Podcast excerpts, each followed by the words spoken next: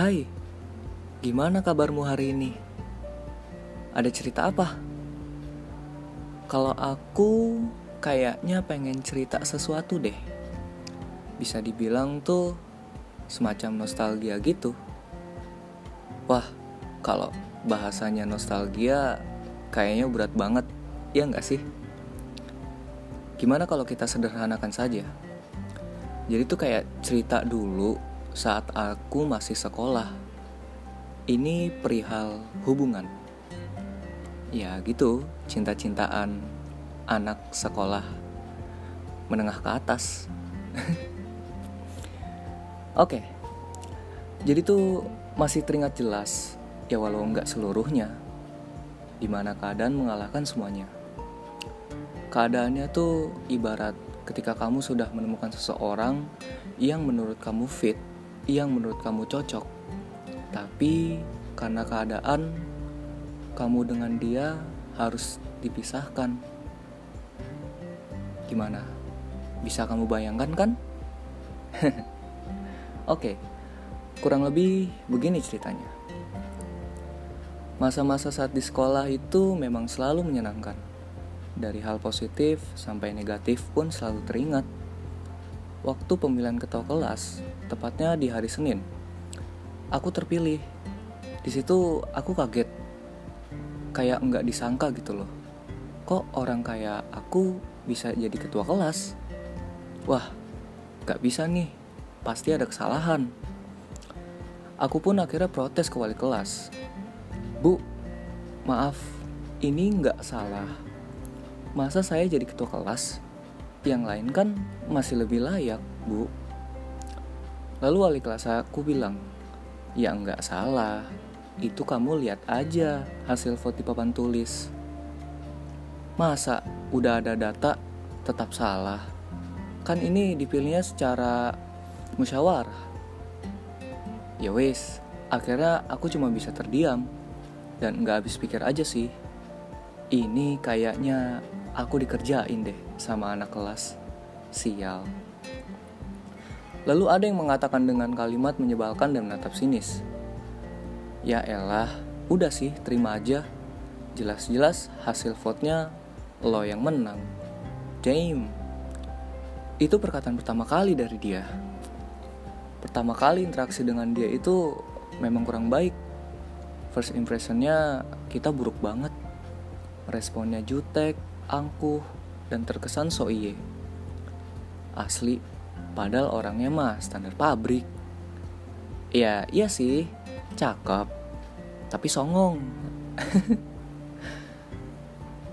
Pas aku ditetapkan jadi ketua kelas, enggak sengaja aku tuh ngedengerin gibahan mereka. Dia dengan temannya sih. Itu juga pas mereka keceplosan ngomong. Heran gue, Masa anak kayak gitu bisa-bisanya menang vote? Ketua kelas lagi jabatannya.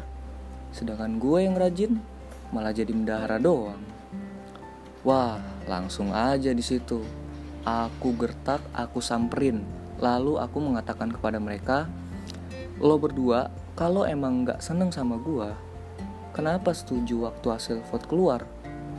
Terlebih lo nih, yang bilang udahlah terima aja bla bla bla bla segala macem. Eh di belakang malah kayak gini. Ya udah terjadilah cekcok antara aku dengan mereka sampai guru sampai guru pisahin. Hubungan kami makin gak baik setelah kejadian itu. Waktu terus berjalan hingga lima bulan belajar di kelas 10 aku mulai terbiasa dengan sifat yang so iyenya itu pas waktu ada kerja kelompok mapel sosiologi kalau nggak salah. Aku satu kelompok dengannya. Malah posisinya aku lagi suka sama seseorang yang ternyata sekelompok juga dengan dia. Otomatis kan jadi canggung gitu. Kayak ya udah sekelompok sama orang yang disuka dan yang jadi musuh bubuyutan di kelas. Yang jadi tuan rumahnya kebetulan emang dia sih karena dia emang ketua kelompoknya. Pas waktu ke rumahnya aku baru paham. Pahamnya tuh kayak pantesan ini anak so iye. Pantesan belagu. Ternyata anak orang kaya. Ya udah dari situ aku udah sedikit ngerti sih sama sifatnya itu. Lanjut deh kita kerkom tanpa cekcok sedikit pun karena kebetulan memang lagi ada orang tuanya jadi dia nggak bisa macem-macem makin lama terbiasa dengan keadaan yang buat hubungan nggak baik nggak tahu kenapa dia tuh kayak mulai so asik. Lucu deh, enggak habis pikir juga aku. Ini anak kenapa deh? Habis dapat hidayah dari ustadz mana? ya udah, akhirnya aku juga kepancing sih. Kepancingnya itu kayak dia emang paling bisa deh memancing. Padahal dia enggak pernah jadi juara satu pemancingan. Lanjut, akhirnya hubungan kita membaik. Sampai pernah dia bilang, maaf ya, semakin ke sini gue sadar kalau lo itu bukan parasit. Lo itu anaknya asik. Ternyata pemikiran gue aja yang sempit. Kayak hatinya itu lulu loh. Kayak aku tuh dibuat bingung gitu sama sifat dia yang tiba-tiba tadinya uh, batu jadi cair gitu pokoknya benar-benar bingung deh dan akhirnya aku juga mau nggak mau ya maafin juga dong otomatis kan dia udah mengakui kesalahannya juga. Terlebih juga emang akunya juga banyak salah juga sama dia. Ya udah kita pun berteman. Ternyata dalam pertemanan antara laki-laki dan perempuan itu bohong banget kalau nggak menyimpan rasa sedikit pun. Saking lamanya berteman, aku sampai dibuat lupa sama seseorang yang sedang aku taksir. Memang ya, yang selalu ada itu selalu bikin terkesan. Sekalipun udah punya target inceran, alias gebetan. Tepatnya tiba di tanggal 11 November 2015, aku pun menyerah untuk berteman dengannya. Aku nggak bisa bohongin perasaan dia pun akhirnya aku tembak tembaknya tuh bukan tembak yang kayak dor dor nggak gitu ya beda. Ini tuh tembaknya tembak gimana sih? Kayak ngungkapin perasaan gitu. Ya kalian paham lah. Semua yang ada di perasaan aku saat itu aku ungkapin. Belak belakan to the point tanpa ada yang ditutup tutupin tapi saat itu dia nggak langsung terima. Aku dibuat insecure dulu. Dibuat mikir dibuat negatif thinking aku sampai di uh, sampai dibikin kepikiran negatif thinking tuh kayak ya iya juga ya. Harusnya gue nggak secepat ini. Lagi pula kan gue kayaknya nggak layak deh. Dia mah secara dari keluarga yang tajir lah gue cuma seorang butir. Ya nggak mungkin lah. Wah asli. Absurd banget. Don duluan Pas aku mikir sambil bengong Itu tuh kayak mikirin jawaban yang tadi itu Dia ngagetin Asli Itu bener-bener ngagetin kayak Eh kok bengong mik Kok bengong Mikir apa sih Mikir yang jorok-jorok ya Ish Nakal dasar Wah, aku langsung bilang dong. Eh, nggak gitu. Nggak tahu kenapa deh. Bengong enak banget. Padahal mah alasan aku aja. Mungkin Dewi Fortuna memang lagi di pihak aku sih kayaknya. Apa gimana juga nggak ngerti. Aku diterima. Dengan syarat jangan malas belajar, jangan main terus. Aku nggak suka kamu yang kayak gitu. Aku bisa terima kamu kalau kamu mau merubah itu semua.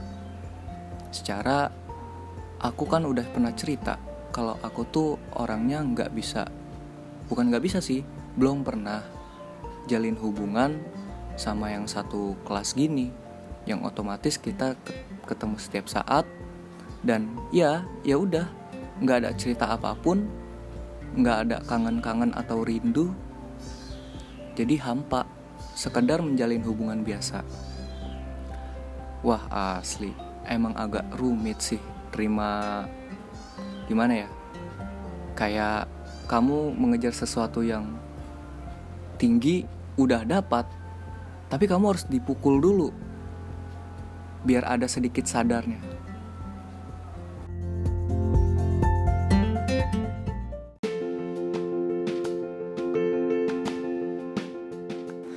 Kita menjalani hubungan ini dengan suka duka tentunya. Banyak kenangan yang enggak bisa dijelaskan dengan kata-kata. Aku memahami sifatnya dengan penuh rasa. Sifatnya yang baik dan serta kebiasaan buruknya. Sebaliknya pun, dia juga begitu. Oh iya, hubungan kami putus nyambung loh. Biasa, namanya juga anak sekolahan. Setiap kali putus nyambung yang kayak benang layangan itu, malah buat hubungan kami langgeng. Aneh kan? Aku dengannya juga nggak ngerti bisa begitu. Hingga saat kelulusan sekolah tiba, ada satu momen yang di mana pun cukup sedih. Yang biasanya sering ketemu, sering berantem, sering uwu-uwu, sampai buat teman kelas iri atau disebutnya ufobia. Sudah enggak bisa dan enggak mungkin terjadi lagi kayaknya. Ya, karena keadaan saat itu kita terpaksa buat menentukan masa depan masing-masing. Dia dengan kuliahnya, aku dengan kerjaanku. Setelah lulus sekolah, kami memutuskan untuk backstreet hingga berujung broke up. Karena memang keduanya nggak tahan untuk beberapa alasan. Menurutku, ya sepele sih. Cuma karena jarang ketemu aja. Dia nggak bisa minimal dua minggu kita bisa ketemu karena memang lokasi dia kuliah dengan tempat aku kerja itu cukup jauh. Ibaratnya kayak dia di utara, aku di selatan. Aku setiap pulang kerja juga capek, bahkan sempat nggak ada waktu buat keluar rumah lagi kalau udah pulang kerja. Dia pun juga sama, dibuat struggle oleh tugas kuliahnya. Cuma setelah aku aku pindah kerja, tempat kerjaku dekat dengannya. Aku pun kembali lagi dekat dengannya. Memang ya, komunikasi dalam hubungan itu kunci segalanya. Ya kunci utamanya gitu. Walau hubungannya putus nyambung sekalipun. Walau komunikasi antar keduanya masih berjalan, enggak memungkinkan untuk terjadinya balikan. Akhirnya kita jadian lagi pacaran lagi kayak nggak selesai-selesai soal rasa dalam cerita. Nggak capek-capek buat putus nyambung hingga beberapa teman curhat jadi kebingungan. Kurang lebih satu tahun berjalan. Tentunya banyak cerita yang kita lalui bersama.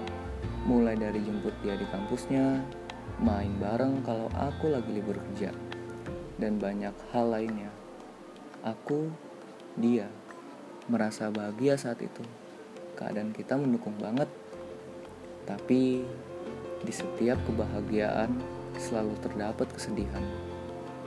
Ketika kerjaan aku bermasalah, hingga sudah habis masa kontrak kerjasama antara karyawan dengan perusahaan, aku nganggur, lantang-lantung enggak jelas. Keadaanku di bawah.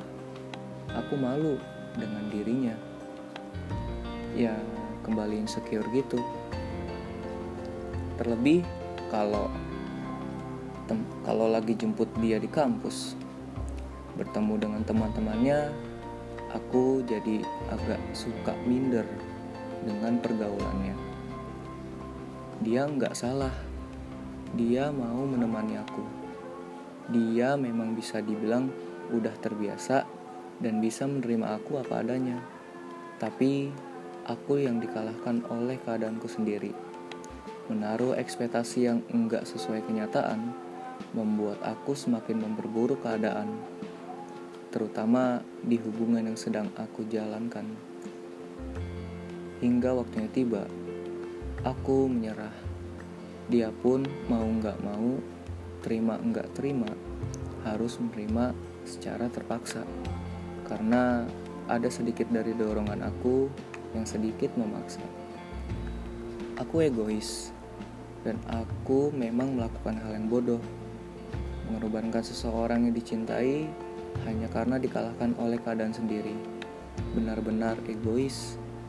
Tapi aku berpikir kalau orang tua selalu menginginkan yang terbaik untuk anaknya. Aku hanya sadar kalau aku bukan salah satu pilihan yang terbaik untuk dirinya. Move on nggak mudah didapatkan. Semakin berusaha melupakan, semakin kepikiran. Dan terkadang kita memang harus bisa sedikit merelakan. Mungkin itu jalan satu-satunya yang terbaik. Terakhir kali dengar kabar dia, dia itu menjalani hari-harinya dengan baik walau di belakangnya dia harus menutupi luka yang ada dengan berpura-pura ceria pada semesta. Dia sempat menjalani hubungan dengan seseorang yang baru. Saya berpikir, akhirnya ada obat hati yang bisa menyembuhkan patah hatinya. Hingga detik ini pun, aku masih belum bisa melupakannya. Dia sudah mendapat kesenangan Sementara aku masih terjebak dalam rasa penyesalan. Aku nggak tahu mau sampai kapan. Aku cuma bisa bertahan dan bisa membias dan hanya bisa membiasakan diri. Aku yakin kalau pelajaran kali ini dapat memotivasi untuk memperbaiki diri. Nantinya aku juga nggak mau, aku nggak akan mengorbankan seseorang hanya karena keadaan yang tidak mendukung. Teruntuk hati, tolong ya, jangan bodoh lagi.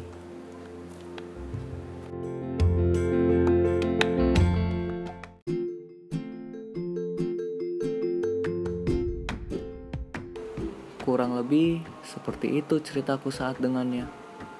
Sebagai penutup, terima kasih sudah mau mendengarkan. Terima kasih sudah ikut berperan. Walau hanya sebagai pendengar, aku merasa memiliki teman baru lagi. Anyway, selamat memperingati Hari Raya Idul Adha buat kawan-kawan yang merayakan.